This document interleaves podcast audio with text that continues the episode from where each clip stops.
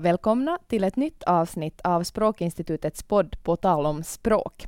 Eh, jag heter Bianca Ortiz och dagens gäst i podden är Nina Martola. Nina är ordboksredaktör för Stora finsk-svenska ordboken som nyligen uppdaterades med cirka 900 nya uppslagsord.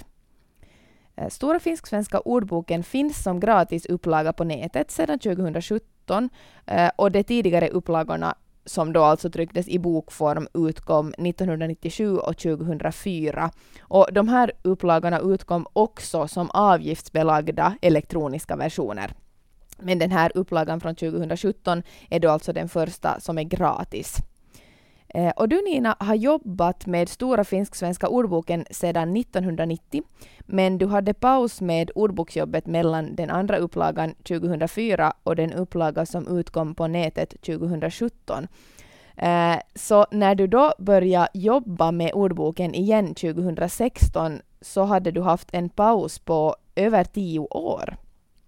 En hel del av artiklarna i ordboken var då från 1990-talet, så vad reagerade du på i materialet när du tog upp arbetet med ordboken igen? Jag börjar ju med, med nytillkomna ord. Alltså Stora finsk-svenska ordboken bygger ju då på äh, kielitoimiston sanakirja, eller suomen kielen perussanakirja, som den finska ordboken hette då, när vi, eller när vi började jobba. Då fick vi liksom deras artiklar och så att säga översatte. Det är naturligtvis inte bara översättning, men, men, men det här. Det var en bra förlaga och tanken var då att då har vi en, ett modernt ordförråd, moderna beskrivningar. Och den hade då, eller arbetet med den hade ju då pågått under alla de här åren som det inte hände någonting med Stora finsk-svenska ordboken. Så, att, så att det var ju inte bara nyord, alltså egentliga nyord, utan det var ju också ord som man hade lagt in för att täppa till luckor som man hade märkt att det här kunde kanske vara med. Alltså det var liksom gamla ord. som En ordbok innehåller ju aldrig språkets alla ord, hur omfattande den än är. Och jag började alltså då med de, de här nytillkomna orden och, och det jag kanske fäste mig vid var att det fanns liksom skikt då, att man kunde liksom säga att aha, det här hänför sig till ungefär den och den tidsepoken och det här ungefär till, till, till de åren. Och sen fanns det faktiskt sådana som hade hunnit komma in och strukits igen i Kielitoiminsto sanakirja. Det ju, finns ju alltid ett visst mått av dagsländor som slinker in i ordböcker och som sen känns väldigt inaktuella bara några år senare. Eh, det säger förstås sig självt att Stora finsk-svenska ordboken är en ordbok mellan två språk, det vill säga då finska och svenska. Men du som ordboksredaktör har ju inte bara två språk att förhålla dig till, utan dessutom två samhällen, det finländska och det svenska, eller hur? Precis, och där sätter man sig ibland mellan två stolar när man ska försöka balansera mellan, mellan hur det går i det finska samhället och hur det går i, i det svenska samhället. Det gäller att försöka hitta så pass neutrala motsvarigheter som kan accepteras i, i båda länderna. Det är klart, vi är ju också liksom vad som särskilt när det gäller samhällsterminologi så ger vi ju liksom både en svensk, alltså en Sverigesvensk och en finlandssvensk term, om det handlar liksom om sådana mer officiella benämningar på olika typ bidrag och, och myndigheter och, och, liknande. Så det är alltså så att, att trots att alltså Sverige-finskan och finskan i Finland är samma språk på samma sätt som finlandssvenska och sverigesvenska, så har Sverige-finskan andra ord än finlandsfinskan eftersom de liksom följer svenskan i Sverige.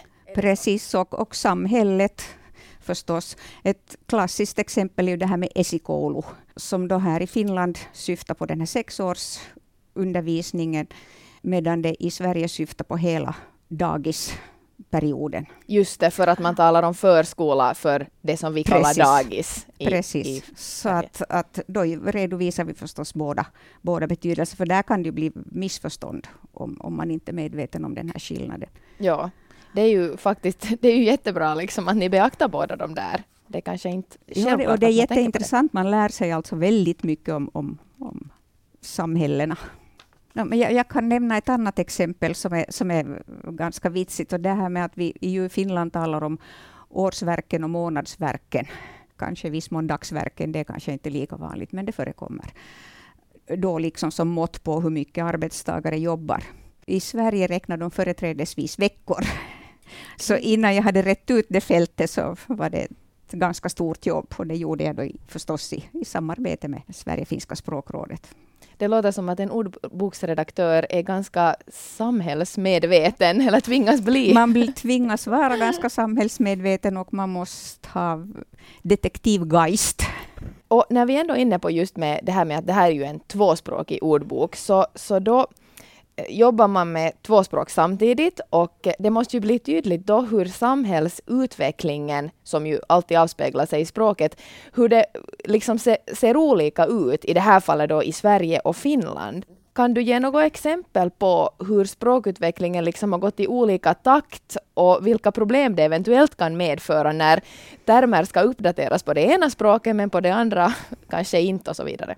Det som gav mig gråa hår så var, var de här orden på vammais och invalidi, som på finska fortfarande fungerar neutralt. När vi jobbade på 90-talet så var invalid det icke rekommenderade på svenska och man försökte arbeta för handikappad och handikapp istället. Och i Sverige hade det väl sedan länge då slagit igenom, men här i Finland fanns det fortfarande en hel del invalidord. Och nu när jag återupptog jobbet så hade handikapp och handikappad börjat anses i viss mån nedvärderande. Att man har börjat försöka undvika dem och det rekommenderas då funktionsnedsättning, funktionsvariation om personerna alltså, eller det som personerna då har. Och tillgänglig, till exempel då tillgänglig hiss.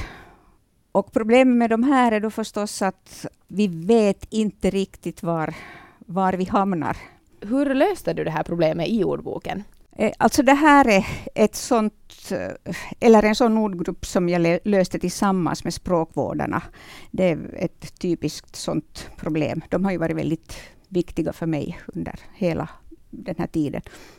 Vi resonerar mycket kring det och vi stannade då 2018 för, för funktionsnedsättning.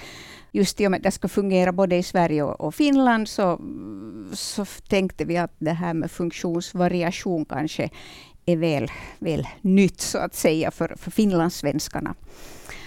Så det blev det och det var det i ett par versioner. Men nu alltså denna vår så upptäckte jag att funktionsvariation faktiskt förekommer en hel del i, i finlandssvenska tidningar och på olika webbplatser.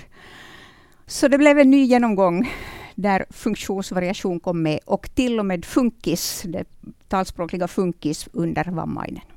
En annan sak som har förändrats en del, så det är ju synen på, på jämställdhet och, och kön och sådana saker. Och eh, jag tänker mig att det måste ha synts på något sätt när du började jobba med ett material från 90-talet. Jag menar, vi har fått hen sen dess och, och sån här. Sån hen, hen finns faktiskt med i ordboken numera. Just det, som under, under hen finns okay. det med som motsvarighet. Finns det, hur ser det ut i exempelmeningar? Har du fått gå in och, och putsa där och lägga till hen och annat? Alltså då, då när vi jobbade på 90-talet så var den redaktionella anvisningen att vi översätter han med han alltid om det liksom fungerar, om det inte finns särskilda skäl till att använda hon. Alltså till exempel hon födde barnet? Ja, eller, eller hon så. var gravid eller, eller kanske om, om någon person som det framgår att den är klädd i kjol eller liknande. Och det här var i enlighet med språkvårdens rekommendationer då det ansågs att han var det könsneutrala. Det användes i lagtexter till exempel. Och det, det kvarstår alltså i ganska hög grad eftersom det inte har funnits tid. Men det jag har gjort, det jag har gått igenom alla gamla exempel där hon förekommer, för det var lite pinsamt.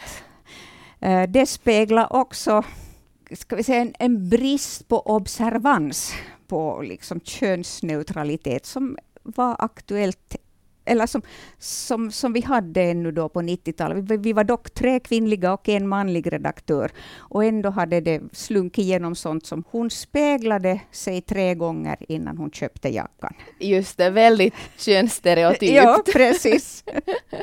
Men de är borta. Alla de har jag gått igenom och, och ändrat. Och jag, men mestadels har jag ändrat när jag har velat ha det könsneutralt så har det blivit A. Just det, du har använt... Bokst stora bokstaven A istället. Hur är det då? Skulle man kunna tänka sig en lösning där man, där man bara bestämmer att man systematiskt ändrar vartannat eller vart tredje hand till hon eller någonting sånt här? Ja, inte så länge vi inte har artificiell intelligens som sköter det hela, för att, att det kan ju då vara någonting där det är motsatt, att det faktiskt inte fungerar med Ja, ja, just som att... Hon. Ja, exakt. Någonting som är specifikt ja. manligt eller kvinnligt, ja. biologiskt. Precis, så. jag menar typ någonting med prostatacancer. Exakt. Det blir lite tokigt om det är hon som får det. Ja, exakt. Men det, det är bra i alla fall att veta just det här att om man stöter på en något exempel där man tycker att det här var kanske inte riktigt eh, up to date eller uppdaterat så kan det just bero på det att, att liksom du har haft väldigt mycket att ta itu med med den här ordboken och allt har inte denna enmansredaktion eller 1,20 Nej, och inte, jag menar, det är ju ett enormt jobb. Vi ska då som sagt komma ihåg att det är 100 000 uppslagsord. Uh, och det gäller alla ordböcker de släpar ofta en aning efter. Dels är de försiktiga med att, att gå liksom före språket, så att säga. Och dels, så även om man är redaktion på, på tio personer, så är, så är det ju massor att göra. Man ska tänka sig att man ska gå igenom varje artikel jättegrundligt. Ganska snart så, så kommer du också att, att lämna det här arbetet och gå i pension. Men hur, kommer det att fortsätta? Hur kommer det se ut? Ja, jag hoppas ju verkligen att, att det gör det, för jag tycker ju det här är en ytterst angelägen ordbok. Jag är ju visserligen jävig, men med tanke på att Finland är ett officiellt tvåspråkigt land och det översätts väldigt mycket, så tycker jag det vore väldigt viktigt att hålla den här ordboken uppdaterad, att fortsätta att datera upp sånt som jag inte har hunnit med. För närvarande ser det lite mörkt ut. Pia Westerberg kommer att, att ta över, men då på deltid eftersom hon har andra arbetsuppgifter i första hand. Vår kollega alltså, som är språkvårdare här. Precis. Så hon, hon, hon kommer väl kanske då i första hand att försöka få med de nya ord som kommer in i, i kielitoimiston sanakirja, eftersom den redaktionen fortsätter att jobba. Och i den mån hon sen hinner titta på saker som aktualiseras. Men jag hoppas ju att jag så småningom ska kunna få en heltids efterträdare. Att det då kanske rent av skulle kunna finnas en hel och en 30 procentare eller någonting i den stilen. För det skulle verkligen behövas. Nu ska vi ta oss an dagens finlandism och den här dagens finlandism är tupp. Och som vanligt har jag med mig Charlotta Hellström Reijonen som är expert på finlandismer. Och den tuppen vi talar om idag är förstås inte djuret som säger kuckeliku, utan det är den vardagliga bedömningen för utedass eller innetoalett. Men eh, varifrån kommer den här betydelsen av ordet tupp? Exakt varifrån det kommer kanske vi inte kan veta, men, men det finns alltså både tupp och verbet tuppa som betyder att gå på tuppen. Eh, de finns belagda i dialektupptagningar från slutet av 1800-talet. I dialektordbokens kartotek hittar man alltså att det har använts i Nyland och i Finnby i Åboland. Det som är lite roligt när man tittar på de här gamla dialektupptagningarna är att, att ibland anges betydelseangivelserna på latin, eller anges betydelserna på latin. Och det är särskilt när det gäller sådana kroppsfunktioner och kroppsdelar som hör till den nedre regionen. Alltså. Så som betydelse för tuppa angavs verbet kakare på latin. Fint ska det vara. Det finns också i Bergroths finlandssvenska till exempel, där han säger då att hemlighuset eller avträdet benämnes i Finland, Finlands vardagstal tuppen och i Sverige dasset. Men södra Finland och Åbland i alla fall enligt dialektordbokens uppteckningar. När börjar alltså tupp användas mera spritt?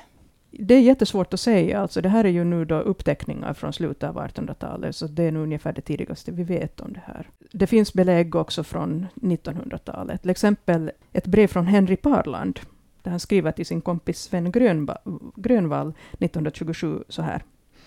Hälsa de dina och överhuvudtaget de som kunde komma i fråga, till exempel Ekko.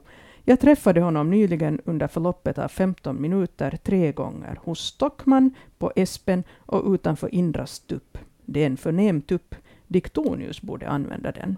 Betyder det här alltså att det tidigare tror du har använts mera allmänt också på en lite så högre stilnivå eller har det alltid varit vardagligt? För i dagens läge kan man ju nog absolut säga att det är vardagligt. Jag skulle nog säga att det också var vardagligt. Henry Parland skrev ofta ganska vardagliga, eller använde ett ganska vardagligt språk också till just till den här Sven Grönvall. Så jag tror inte att det här är något tecken på att det är litterärt.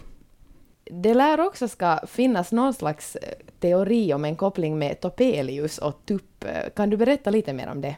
Ja, det, det är en kanske lite märklig teori eller en märklig etymologi. Eh, det är Peter Slotte som har, har lagt fram den i en artikel i Språkbruk 1994. Och han säger att eh, det har då alltså med Topelius att göra, för att Topelius kallades tuppen. Och han hade i början av 1850-talet tydligen varit lite för ryskvänlig i mångas ögon och hade bland annat tagit uh, ryssarnas parti, eller Rysslands parti i Krimkriget mot de västallierade. Och det här hade då väckt ont blod hos många finländare, skriver Slotte. Och det hände då enligt honom att folk förde ut ett porträtt av Topelius till avträdet, till tuppen. Så de hängde alltså tuppen på tuppen. Och det stämmer ju alltså att Topelius kallades Tuppen, och det gjorde han tydligen redan när han gick i, som liten pojke gick i skolan. Jag ringde upp uh, Topelius-experten Pia Forsell på SLS för att kolla den här etymologin, och, men hon tror inte riktigt på den här. Hon säger att uh, det inte är särskilt sannolikt att folk skulle ha hängt upp porträtt på Topelius på dasset, bland annat för att det inte fanns så mycket bilder av, av honom redan på 1850-talet. Kanske några hemgjorda karikatyrer i så fall. Men oberoende av vad man har då eventuellt haft för bilder på avträdesväggen, så, så låter det här med Topelius som en efterkonstruktion. Det tycker jag, och det höll Pia Forsell med om också. Så jag tror att vi kan avfärda den här teorin som en folketymologi. Den är lite för bra för att vara sann, helt enkelt. Och ärligt sagt, det säger nog Peter Slotte också. Och det är ju lite rolig kuriosa i alla fall att det nu har lagts fram en sån här, ska vi nu kalla det för en teori då? Ja, jag tycker folketymologier är ju lite roliga. Men det finns nog andra möjliga teorier också, eller etymologiteorier. Och en, som, en annan som Peter Slotte lägger fram är att det skulle komma då från tyskans Topf, som ju betyder gryta, där man då skulle gå på grytan, så att säga, på samma sätt som svenskar går på muggen. Det här är kanske lite barnspråk. Barn kan i Tyskland säga ich muss mal auf den Topf. Så det är ju en möjlighet. Sen har det lagts fram någon möjlighet, eller en teori om att det skulle ha att göra med att gå dit upp, som sen blir tupp. Den tror jag inte riktigt på.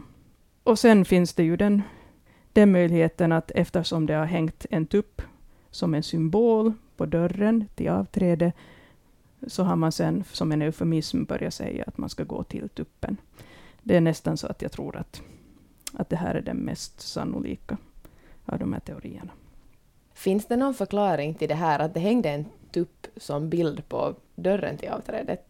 Jag antar att vi måste tänka oss helt enkelt att tuppen var då en manssymbol och hönan var en kvinnosymbol. Men här kommer vi in på ett område som jag inte kan uttala mig om alls. Men apropå tyskt inflytande, så har vi ju också ordet dass, nära liggande, eller samma betydelse som tuppen. Och det är också eh, ett exempel på tyskt inflytande, för det sägs att det är en, en förkortning av Das Haus, eller Das Häuschen, som då var en förskönande benämning på avträde på det lilla huset.